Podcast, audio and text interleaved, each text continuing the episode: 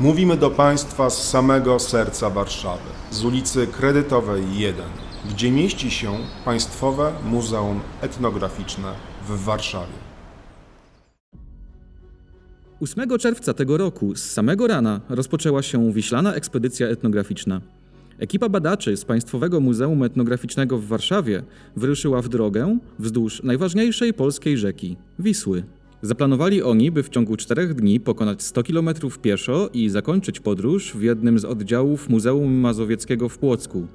Rozpoczynamy tym odcinkiem serię podcastów, dzięki którym odkryją Państwo sekrety poszczególnych dni ekspedycji. Usłyszeć będzie można wspomnienia jej uczestników, wrócimy myślami do przygód, które przydarzyły się na szlaku, a także przedstawimy przemyślenia, które towarzyszyły kolejno realizowanym tematom poszczególnych dni. Jako pierwszy przy mikrofonie usiądzie Robert Zydel, dyrektor Państwowego Muzeum Etnograficznego w Warszawie, a zarazem pomysłodawca wiślanej ekspedycji etnograficznej. Wiślana ekspedycja etnograficzna już za nami. Przez kilka dni wędrowaliśmy i płynęliśmy z Warszawy do Płocka. Rzeki, wędrowanie, przemieszczanie się to takie kategorie, które nie są obce etnografom i etnografkom. Nie tylko Wisła, ale też inne europejskie i światowe rzeki były przedmiotem zainteresowania ludzi, którzy zajmują się badaniami społecznymi. Nie tylko Wisła, ale też Dunaj, Dniepr, Nil, Amazonka to są takie przestrzenie geograficzne, które rozpalają naszą wyobraźnię, które budzą ciekawość, które są wyzwaniem nie tylko dla podróżników, ale też dla tych, którzy chcą poznać życie wokół rzek. Te rzeki często to właśnie życie codzienne organizują. Te rzeki żywią, te rzeki dostarczają atrakcji, czasami też są niebezpieczne, zagrażają naszej egzystencji. Dlatego nasze oczy skierowaliśmy na Wisłę, która jest e, taką rzeką, wokół której konstruuje się Polska, konstruuje się państwo narodowe, która jest e, symboliczna, która jest ważna. Nie tylko w tych kategoriach, powiedziałbym, społecznych i ekonomicznych, ale również symbolicznych. To, co w tej chwili chcemy zaproponować, to podsumowanie wiślanej ekspedycji etnograficznej. Przed nami kilka podcastów, które będą poświęcone poszczególnym dniom naszej wędrówki. Podcastów, które będą opowiadały o rzeczach, nad którymi się zastanawialiśmy w trakcie podróży z Warszawy do Płocka. Dzień pierwszy poświęcony samemu fenomenowi wędrówki. Przypomnijmy, że nasza wiślana ekspedycja etnograficzna powiązana jest z wystawą To tu, to tam, opowieścią o podróżniczkach i podróżnikach. Wystawa, która do końca 2022 roku będzie do zobaczenia w Państwowym Muzeum Etnograficznym. Wystawa, która miała nas skłonić do pewnej refleksji nad tym, jak podróżujemy, co te podróże robią nam jako ludziom, co te podróże robią otaczającej nas przyrodzie, co podróże i sposób podróżowania mówi o nas samych, jak budujemy poprzez podróże własny wizerunek, w jaki sposób też zaznaczamy pewien status czy pochodzenie poprzez właśnie wybór destynacji czy sposobów spędzania wolnego czasu. O wędrowaniu opowie bratek Robotycki, spojrzy na to z perspektywy nawet nie samej etnografii, ale takiej powiedziałbym antropologii, czy wręcz antropologii filozoficznej, gdzie będzie się zastanawiał, czym sama wędrówka w naszej kulturze jest i być może. Kolejny podcast to podcast dotyczący przyrody. Ta opozycja natura-kultura była obecna w dyscyplinie, którą uprawiamy.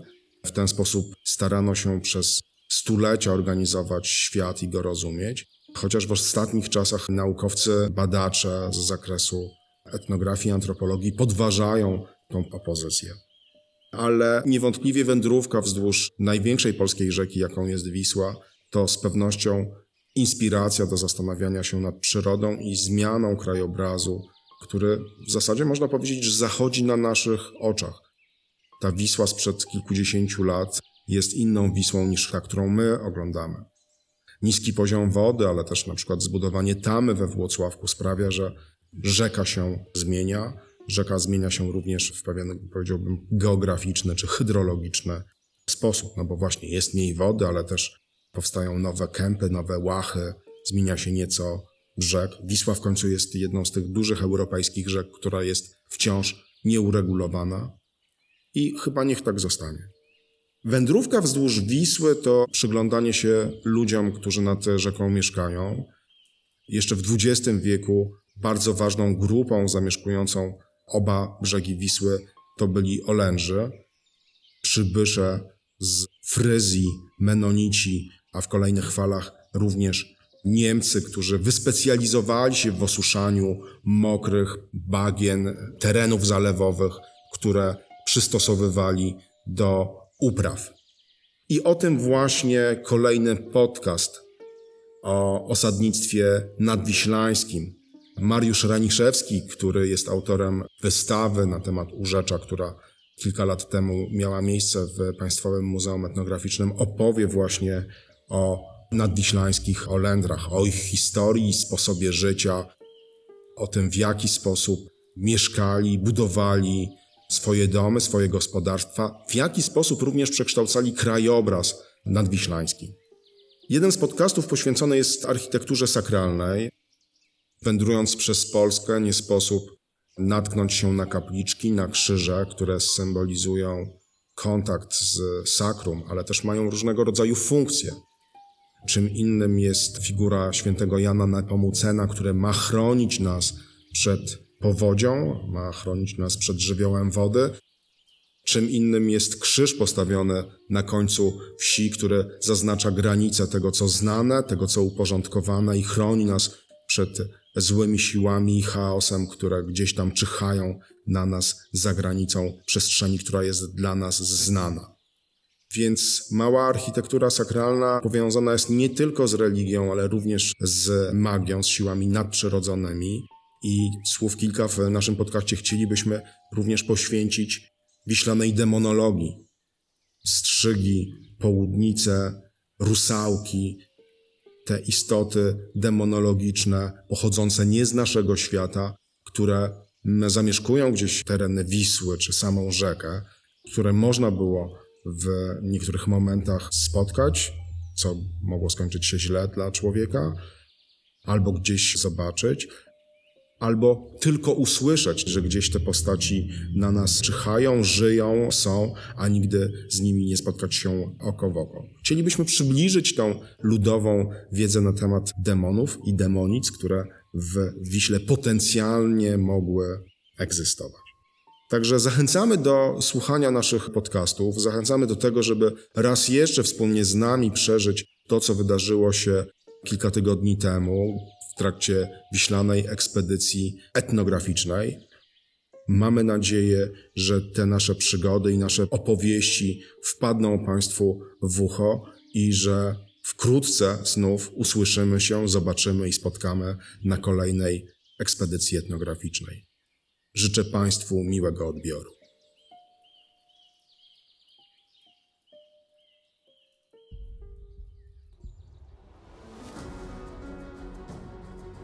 Pierwszego dnia ekspedycji głowy jej uczestników zajęte były głównie przez samo doświadczenie wędrowania, a co za tym idzie chodzenia. Czymże to chodzenie jest? Dokąd nas ostatecznie zaprowadzi? Te i inne pytania stale towarzyszyły jednemu z uczestników ekspedycji, a odpowiedź na nie poznamy już za chwilę. Dzień dobry, Bratek Robotycki z Państwowego Muzeum Etnograficznego w Warszawie. W grudniu zeszłego roku otworzyliśmy wystawę To tu, to tam, której istotą jest podróż. A podróż jako taka to jest istota etnografii i w niej zawiera się też wiele prawd o tym, kim ten etnograf jest. Sama podróż może odbywać się różnorako, ale pierwszym sposobem przecież, w którym się przemieszczamy, są te pierwsze kroki. I czymże takie chodzenie może być? Chodzenie to miara przestrzeni. Każdy z nas ma, ma przecież inne możliwości i inne ograniczenia. Inaczej chodzimy po mieście, inaczej chodzimy po wsi, inaczej po swoim gospodarstwie czy po swoim domu. Chodzenie to sposób doświadczenia i poznawania świata. Inaczej patrzy się na świat i doświadcza go przez szyby samochodu czy autokaru, a inaczej wędrując po chodniku leśnym, dukcie czy jakiejś stokówce. Chodzenie to przecież perspektywa. Siedząc w fotelu samochodu widzimy co innego, siedząc na łódce widzimy co innego. Wędrując znowuż dostrzegamy sprawy kompletnie inne niż te wcześniejsze. I tak też chodzenie, jak wszystkie inne sposoby przemieszczania się w podróży, jest też praktyką cielesną. Nasze ciało musi w jakiś sposób do tego chodzenia się dostosowywać. Wszelkie inne akcesoria dostosowują się też i do tego naszego chodzenia. Buty wycierają się w konkretny sposób, koszulki są takie, a nie inne, spodnie, spodenki itd., tak itd. Samochodzenie ma też wiele typów i można o nim bardzo śmiesznie opowiadać, bo samochodzenie to może być spacer, samochodzenie to może być marsz, szwendanie się, bujanie, pielgrzymka, dreptanie, zwiedzanie, chodzenie z kimś, kluczenie. To są synonimy chodzenia. Tym niemniej zawsze za nim stoi coś odrębnego. Kluczymy, czyli prawdopodobnie zgubiliśmy drogę. Szwendamy się, czyli nie mamy jakiegoś konkretnego celu. Marsz narzuca nam pewien rytm i prawdopodobnie odbywa się w jakichś warunkach mocno uregulowanych. I tak dalej. Odnośnie tych konkretnych, nazwijmy to sobie, typów chodzenia, mogą być związane z nimi wymiary chodzenia. Może być chodzenie, nazwijmy to artystyczne, wystudiowane, typu właśnie wędrowanie na przykład po wybiegu w trakcie pokazu mody, czy chodzenie specyficzne po teatralnej scenie. Ale możemy mieć chód codzienny, który w dużym stopniu odróżnia nas, tak jak linie papilarne. Może być e, rewolucyjny i wywrotowy, to przecież marsze uliczne, które oprócz tego, że wyrażają się poprzez często ironiczne hasła, wyrażają się właśnie tym, że przechodzą, przechodzą obok konkretnych miejsc. Chodzenie może być relaksem, może być chodzeniem dla zdrowia, może być celowe i bezcelowe, ale również może mieć charakter ucieczkowy, destrukcyjny. Chodzenie jest też jednym z podstawowych pojęć, które buduje metaforykę naszego poznania i tego, jak rozumiemy świat. Przecież wchodzimy w czyjeś buty, a po co wchodzimy? Żeby iść czyimś śladem, czyli podążać za czyjąś myślą. Wyprowadzamy kogoś w maliny, czyli wprowadzamy kogoś w błąd, wpadamy na kogoś, stawiamy pierwsze kroki, dochodzimy do końca.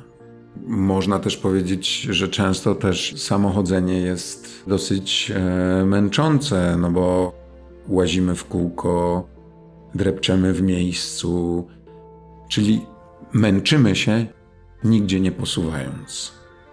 Oczywiście są też inne aspekty, typu można komuś włazić w dupę, no i tutaj mamy aspekt mniej związany z fizycznym przemieszczaniem, natomiast bardziej wchodzący w relacje. Można sobie jeszcze pożartować, że chodzenie przecież to jest ekonomia, że chodzenie to sztuka, ale w tym żarcie zawsze znajdzie się odrobina odwzorowania rzeczywistości, na którą patrzymy. Znalazłem w internecie informację o tym, że rower zabija współczesną ekonomię. Jeśli rowerzysta nie kupuje samochodu, stwarza mniejsze zagrożenie na drodze nie musi wykupywać ubezpieczenia, bo jego wypadek ma mniejsze skutki niż ten wypadek samochodowy. I ten ciąg zależności można wydłużać.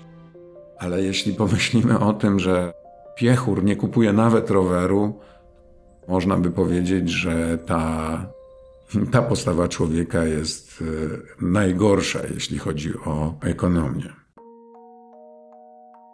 Dziedziną, w której chodzenie znajduje ogromny wyraz, jest sztuka. Ileż jest pomników kroczących.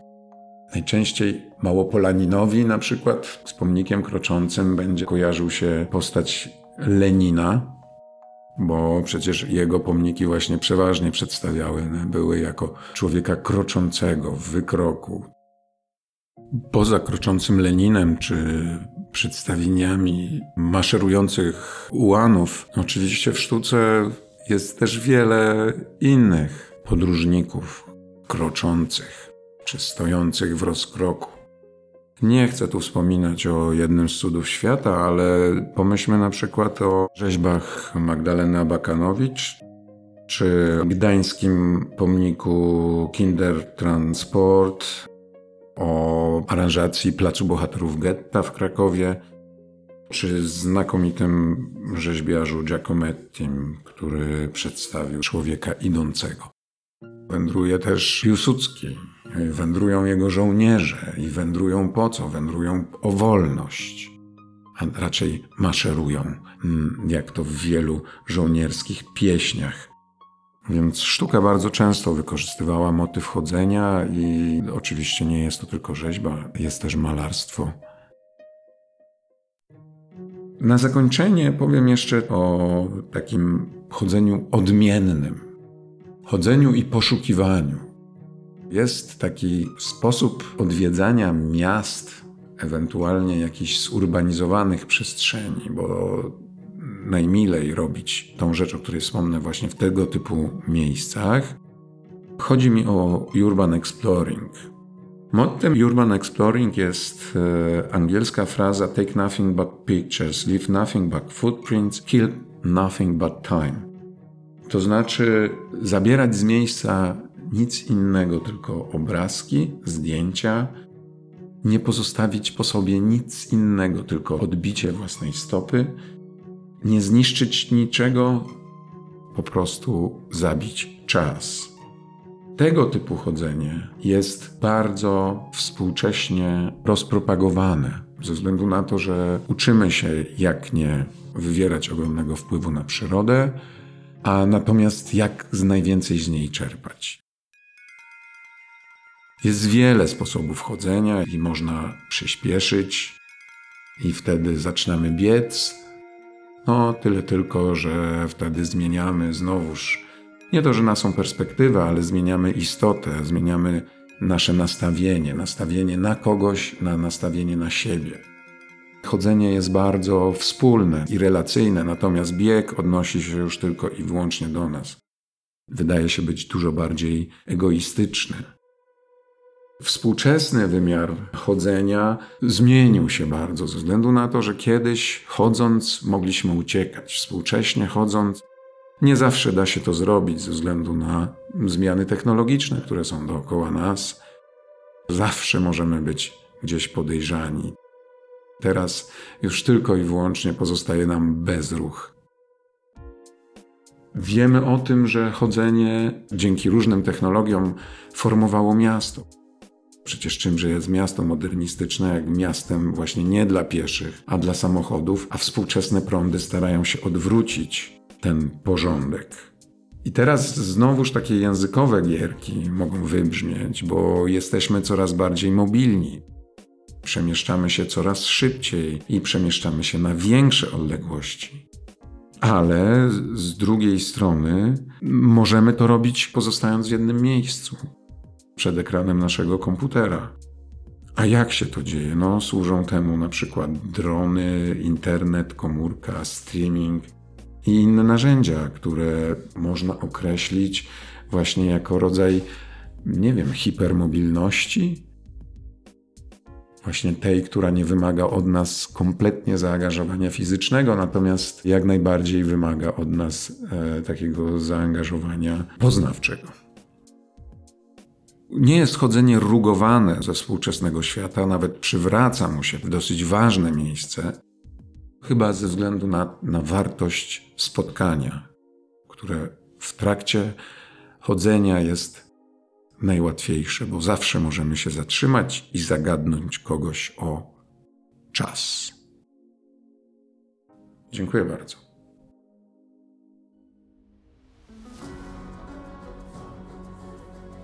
Ekspedycja rozpoczęła się 8 czerwca o 7 rano. Jej uczestnicy wyruszyli wówczas z siedziby Państwowego Muzeum Etnograficznego z kredytowej 1, kierując się do portu Czerniakowskiego. Stamtąd wraz z kilkoma towarzyszami popłynęli wiślaną łodzią z biegiem rzeki Dołomnej. O tym, jak przebiegał ten dzień oraz jakie wywołał emocje, usłyszymy za chwilę od jednej z osób, które pokonały tamtą drogę. Agnieszka Grabowska z Państwowego Muzeum Etnograficznego w Warszawie. Jest 8 czerwca. Rusza wiślana ekspedycja etnograficzna. Wstaję wcześniej niż zwykle, 4.20 rano. Po pożywnym śniadaniu sprawdzam jeszcze ostatni raz plecak, czy wszystkie potrzebne rzeczy są zabrane. Zakładam stare, mocno już zniszczone, ale wygodne buty, koszulę przewiązuję w pasie i wychodzę, zaglądając jeszcze do pokoju śpiących córek i głaszcząc psa, który drepcze zadowolony, gotowy wyprawić się ze mną. Na naszą wyprawę wyruszam z mojego rodzinnego miasta, Mińska Mazowieckiego, oddalonego 30 km od Warszawy. W muzeum jestem o czasie. Są już moi koledzy, towarzysze drogi. Sprawdzamy ekwipunek, apteczki, prowiant. Wszyscy są podekscytowani. Jeszcze zdjęcie do mediów i ruszamy. Do portu Czerniakowskiego dochodzimy dość szybko, szybciej niż planowaliśmy. Zapewne z powodu lekkiej adrenaliny, która nam towarzyszy. Czekamy chwilę na wiślany galar, który ma z nami dopłynąć do plaży Włamnej. Dołączają do nas koledzy z muzeum. Jest też załoga z radia 357. Wypływamy. Najbardziej niezwykłe dla mnie to zobaczyć Wisłę z tej perspektywy. Tyle lat przejeżdżam przez nią dwa razy dziennie i zaskoczyła mnie. Być w centrum i mieć oba jej brzegi jakby na wyciągnięcie ręki. Tak różne brzegi. Co ciekawe, dla mnie taka perspektywa jest bardziej spajająca, niż gdy patrzę na Wisłę z bulwarów czy z mostu. Tu czuć to wyraźnie, że to jedna rzeka. Kiedy wypływamy poza obszary zurbanizowane, jestem nie tylko zaskoczona, jestem zachwycona. Ciszą, przyrodą, widokami. Nigdy nie przypuszczałam, że Wisła w okolicach ogromnego miasta może mieć takie oblicze. To dla mnie nowe doświadczenie. Przyznaję, że nie doceniałam uroków Wisły. Na pokładzie panuje wycieczkowa atmosfera. Rozmawiamy i to Wisła i droga są głównymi bohaterkami naszych rozmów. Dowiaduje się wiele o fizjonomii tej rzeki. Dopływamy do plaży, gdzie następuje przemieszczenie i rozgrupowanie sił. Ekipa idąca i ekipa logistyczna, która ma nas wspierać w razie potrzeby. Po lekkim posiłku ruszamy. Na rozstaju, przy wale, żegnają nas koledzy, którzy wracają do Warszawy. Czuję ich sympatię i szczerość, kiedy mówią nam powodzenia i życzliwie machają. Trochę mi smutno, że się rozstajemy. Jednak zadanie czeka i tak naprawdę tu, na ukwieconym, porośniętym bujną trawą wale, wchodzi w fazę decydującą. Idziemy. Idziemy gęsiego, widząc przez dłuższy czas tylko swoje plecy. Na początku szukając rytmu. Nie rozmawiamy. Może pojedyncze zdania. Rozgrzewamy się. Przed nami daleki horyzont, a wokół zieleń drzew i pól, i maki, i chabry, i dzikich szan. Trawy są coraz wyższe, sięgają nawet ramion, przynajmniej moich. Rozkładając je, czuję dotyk traw między palcami, jakbym dotykała trawiastej fali wody. Na myśl przychodzą mi opisy przyrody ze stepów akermańskich Mickiewicza. Idziemy, brodząc w wodzie traw. Nasz prowadzący Robert stara się wybierać najbardziej wygodne do przejścia szlaki. Czasem górą, groblą, czasem szutrową drogą. Nie zawsze odcinki są sprzyjające. Pojawiają się pierwsze krople deszczu. Na początku nieśmiało. Nie chowamy się przed nimi. Raczej wyczekujemy ochłodzenia, które nam przyniosą. Za chwilę pada już mocno. Suche do tej pory trawy stają się źródłem mokrych t-shirtów. Myślę z lekkim niepokojem o tym, że za czas jakiś będą też przyczyną mokrych butów, co nie jest przyjemne i nie jest wskazane w pieszej wędrówce. Niestety nie mam zapasowych, jedynie skarpety. Idziemy dalej, bez przerwy. Z łąk i traw wychodzimy na asfaltową drogę i most, który traktuję jak zło konieczne. Trzeba przejść ten odcinek. Jedynym plusem jest to, że nasza czwórka może teraz swobodniej rozmawiać. Spotykamy się z dzielną przedstawicielką sekcji logistycznej Joanną, która wspomaga mnie mrożoną kawą i transportuje nas dalej. Znów idziemy, tym razem leśnym duktem. Zatrzymujemy się na chwilę na menonickim cmentarzu. Jest zaniedbany i zapomniany. Niespełna kwadrans później mam niespodziewane spotkanie z bocianem, którego zaskoczyłam podczas poszukiwania strawy w gęstej trawie, choć to ja wyglądałam na bardziej przerażoną. Nic to, idziemy. Krajobraz znów się zmienia. Wisła tworzy rozlewiska. Idziemy przy starym korycie, które zapełnione wodą tworzy obrazki jak z mazurskich jezior. Spotykamy człowieka. Pana spacerującego z psem. Wymieniamy uprzejmości. To jedyny, jak do tej pory na naszej drodze człowiek, bo chowającego się przed nami w krzakach wędkarza nie liczę. Idziemy i rozmawiamy. Te kilka godzin drogi zbliżyło nas, więc rozmawiamy nie tylko o pracy i nie tylko o Wiśle. Z niektórymi mam okazję rozmawiać pierwszy raz dłużej. Mimo, że mokre buty dają się we znaki, w ogóle nie czuję zmęczenia. To zapewne sprawa towarzystwa. Krajobraz znów się zmienia. Wchodzimy na szeroką równinę, lekko wyżej położoną nad korytem rzeki. Wisła jest w tym miejscu bardzo szeroka. Ukwiecone łąki mienią się w popołudniowym słońcu. Zatrzymujemy się na chwilę i kontemplujemy. Ale trzeba iść dalej. Idziemy znów wzdłuż wału, który jest w tym miejscu bardzo wysoki i kręty. Tworzy rodzaj wąwozu wysadzanego wierzbami. Pod górę i w dół. Stopy bolą już bardziej, ale nogi niosą same. Mimo zmęczenia wrosłam już w drogę. W umówionym punkcie odbiera nas Joanna. Pojawia się idealnie, w punkt. Mimo, że podzieleni na dwie grupy, działamy jak jeden organizm. Czas na odpoczynek, na wspólny posiłek i rozmowy. Kładąc się do łóżka, czuję radość. Przed oczami mam obrazy, kadry z naszego właśnie kończącego się dnia. Jestem nimi zauroczona, ale także zdziwiona, że nie doceniłam uroków tej rzeki. Może dlatego, że z racji zamieszkania bliższe mi były Świder i Liwiec. Pewnie tak. Tak naprawdę nie znałam Wisły z tej strony. Cieszę się, że miałam okazję. Warto było i poszłabym dalej, w kolejny etap. Jestem już w rytmie.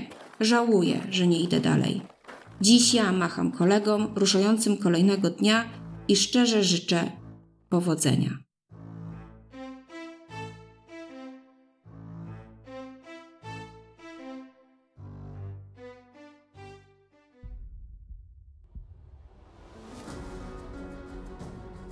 Pierwszy dzień ekspedycji zakończył się sukcesem. Jej uczestnicy, mimo zmęczenia, w pogodnym nastroju dotarli do umówionego na nocleg miejsca w Nowym Wilkowie. Pokonali tego dnia łącznie około 50 km, z czego połowę łodzią. W kolejnym dniu czekała ich już tylko piesza wędrówka do miejsca niedaleko Wyszogrodu, gdzie Bzura wpada do Wisły. Szczególne walory tego rejonu miały stanowić okazję do przyjrzenia się relacjom, które łączą człowieka z naturą, jak i samemu środowisku, w którym żyjemy. Ale o tym dowiecie się już Państwo z kolejnego odcinka podcastu o wiślanej ekspedycji etnograficznej, na który zapraszamy 8 sierpnia. Do tego czasu polecamy inne podcasty i słuchowiska, które pojawią się na naszym kanale. Do usłyszenia.